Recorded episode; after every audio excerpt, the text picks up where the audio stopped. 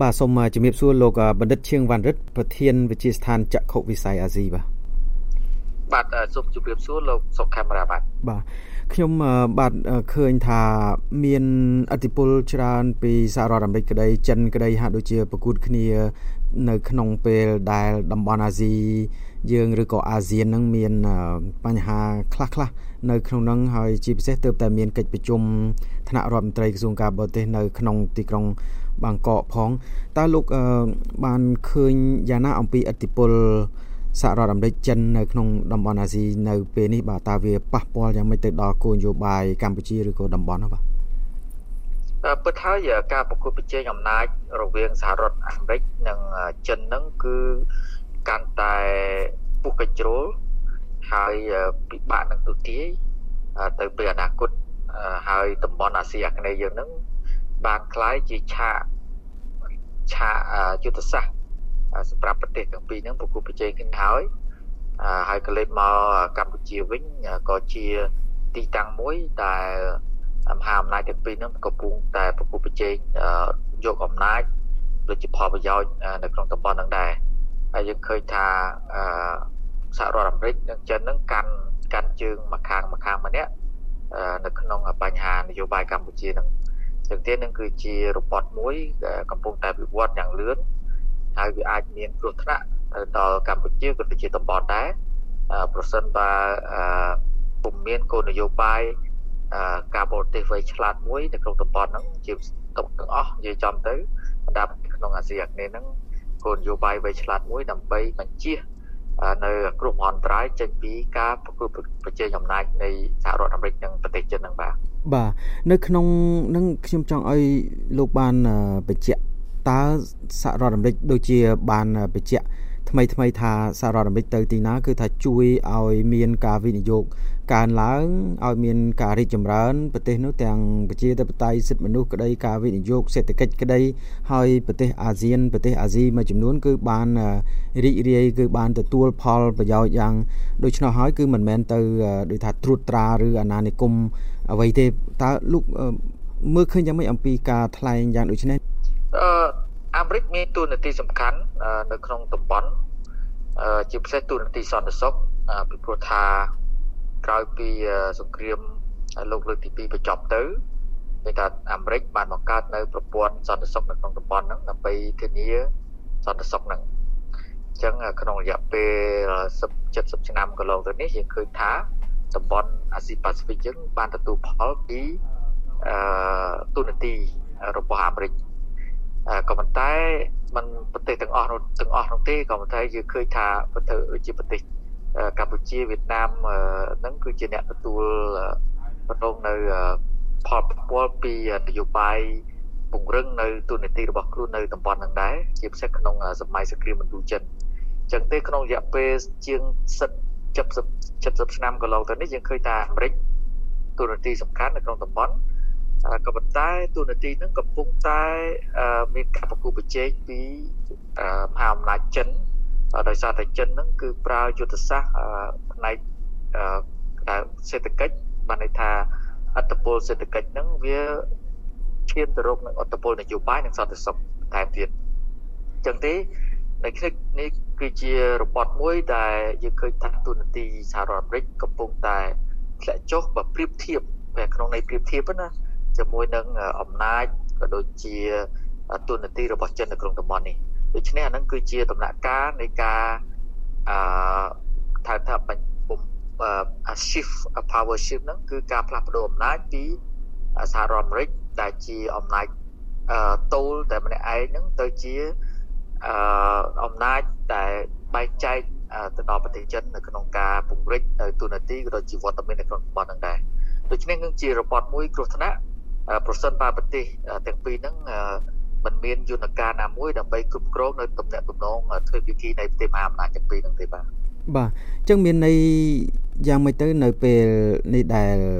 ថាប្រទេសអាស៊ានក្តីប្រទេសអាស៊ីក្តីឬក៏ប្រទេសក្នុង Indo-Pacific ក្តីគឺត្រូវតែយកដូចថាទទួលយកការអភិវឌ្ឍមុនដោយសារ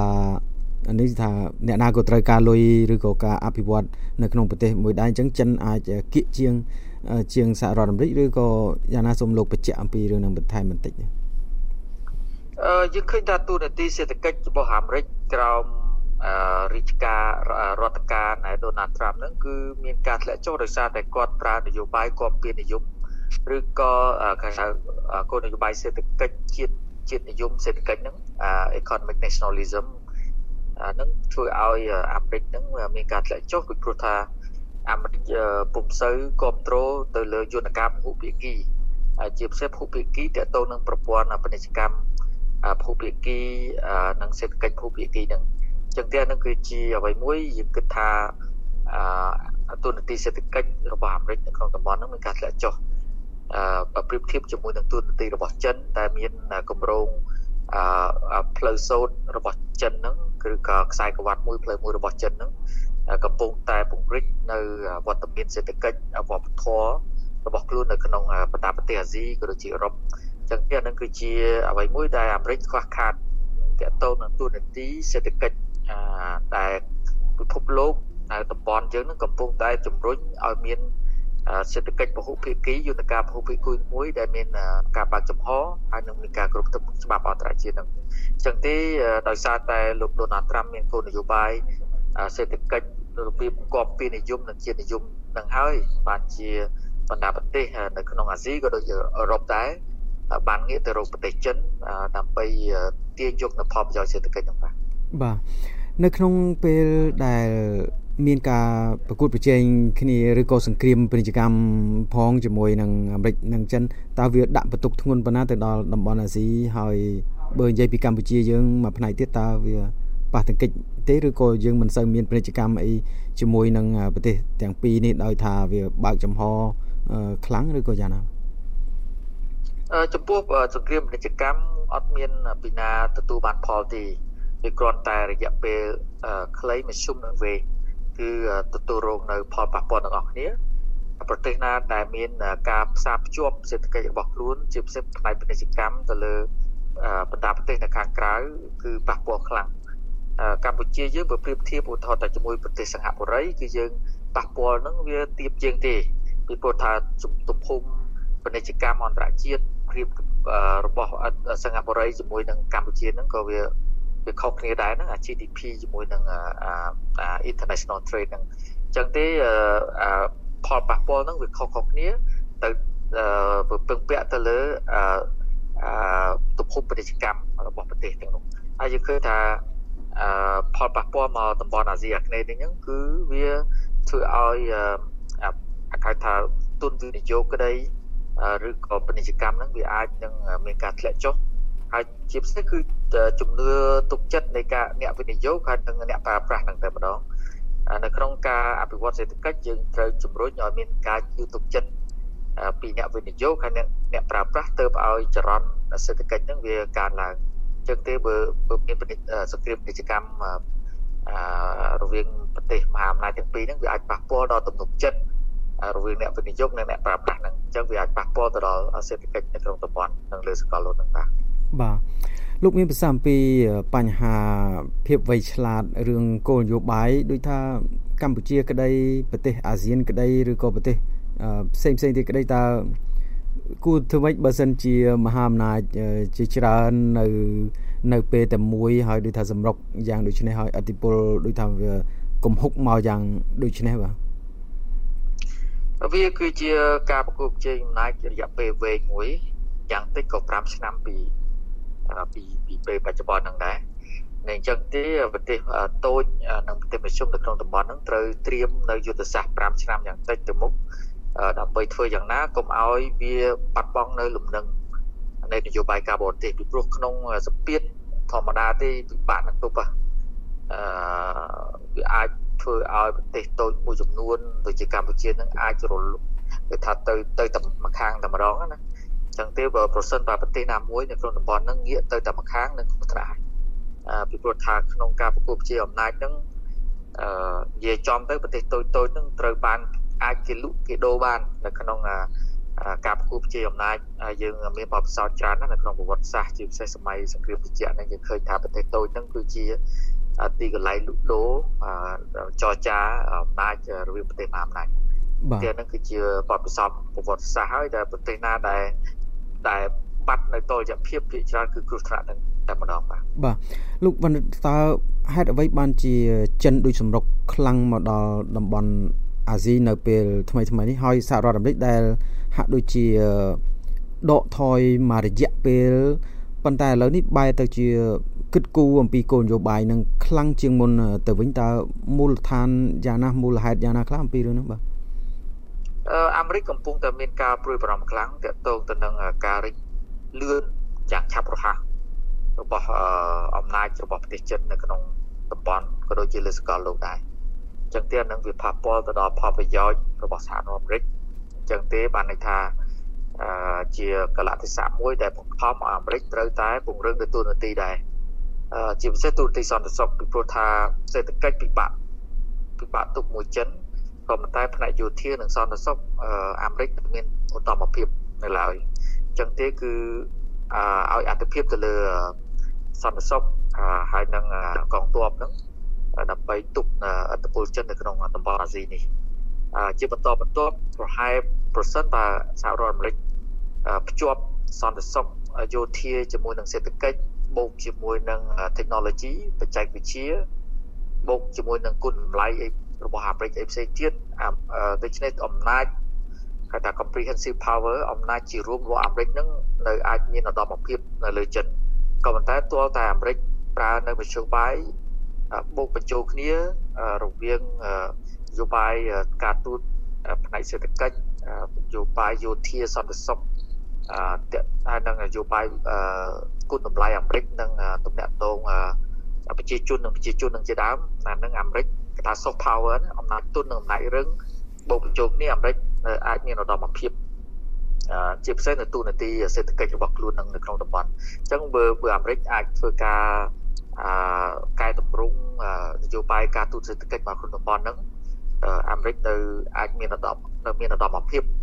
ជាមួយប្រទេសចិនបាទបាទតើនៅពេលនេះអាចថាដូចថានឹងមានការប្រែប្រួលប៉ុណ្ណាទៅនៅពេលដូចថាមានការប្រកួតប្រជែងគ្នា ខ្លាំងយ៉ាងដូចនេះហើយបើតាមលោកមើលឃើញទៅតកតងទៅនឹងការវិនិយោគក្តីឬក៏ពួកអ្នកវិនិយោគទុនក្តី តើមានការរារែកទេឬក៏អាចថានឹងព្រួយបារម្ភ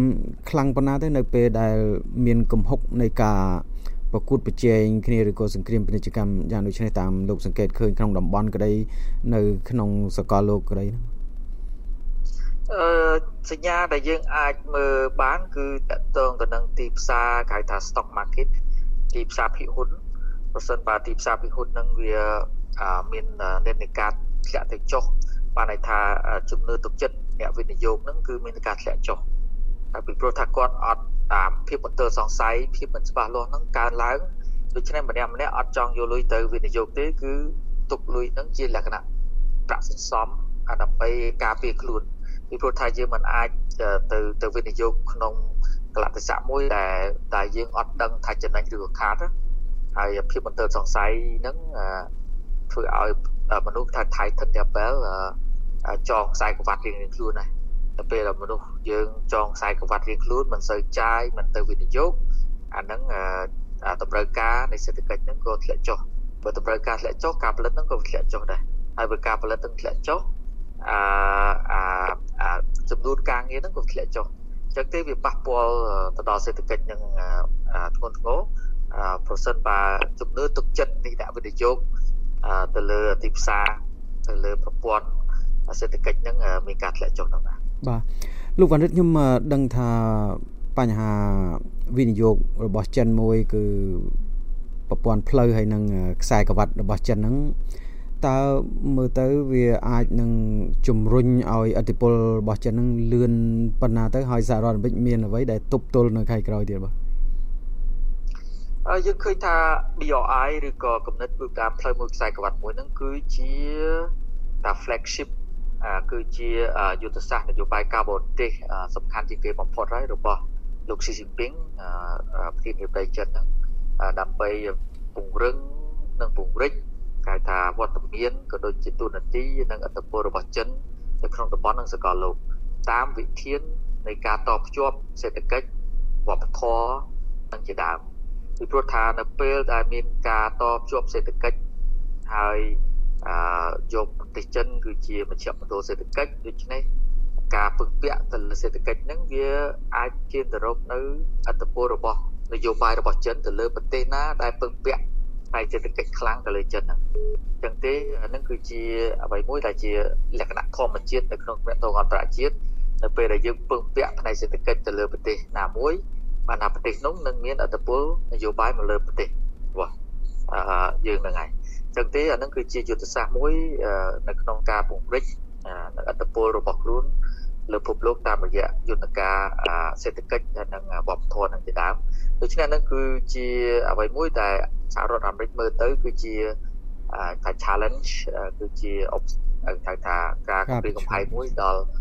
បាទបាទការប្រជុំឬក៏ការគម្រាមកំហែងមួយដល់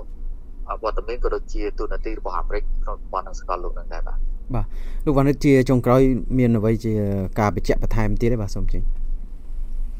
អឺពីពេលនេះទៅរយៈពេលយ៉ាងតិចក៏5ឆ្នាំទៅមុខស្ថានភាពនឹងវិវត្តទៅយ៉ាងលឿនហើយនឹងមានគ្រោះថ្នាក់ច្រើនជាពិសេសនៅក្នុងតំបន់យើងនេះហើយការប្រកួតប្រជែងហ្នឹងនឹងធ្វើដាក់នៅសម្ពាធកាន់តែខ្លាំងឡើង ទៅដល់បណ្ដាប្រទេសនៅក្នុងតំបន់អញ្ចឹងទេកម្ពុជាដែលជាប្រទេសតូចនៅក្នុងតំបន់ហ្នឹងត្រូវតែប្រកាន់នៅគោលជំហរមើងម៉ាត់តកតងទៅនឹងអភិក្រិតភាពរបស់ខ្លួនឯករាជ្យភាពហើយធ្វើយ៉ាងណារក្សានៅឯកភាពនៅក្នុងតំបន់ជាពិសេសក្របក្របខ័ណ្ឌអាស៊ានហ្នឹងរួមបណ្ដាប្រទេសតូចតូចនិងមជ្ឈុំនៅក្នុងតំបន់ហ្នឹងសហការគ្នាជាធ្លុងមួយដើម្បីទប់ទល់ទៅនឹងការជ្រៀតជ្រែក ពីខាងក្រៅនៃបណ្ដាប្រទេសមហាអំណាចពីព្រោះថានៅក្នុងកលៈទេសៈដែលប្រទេសមហាអំណាចគាត់ប្រគល់ប្រជែងគាត់ទៅធ្វើទៅថាថា interfere បានន័យថាលុបដៃចូលកិច្ចការនយោបាយ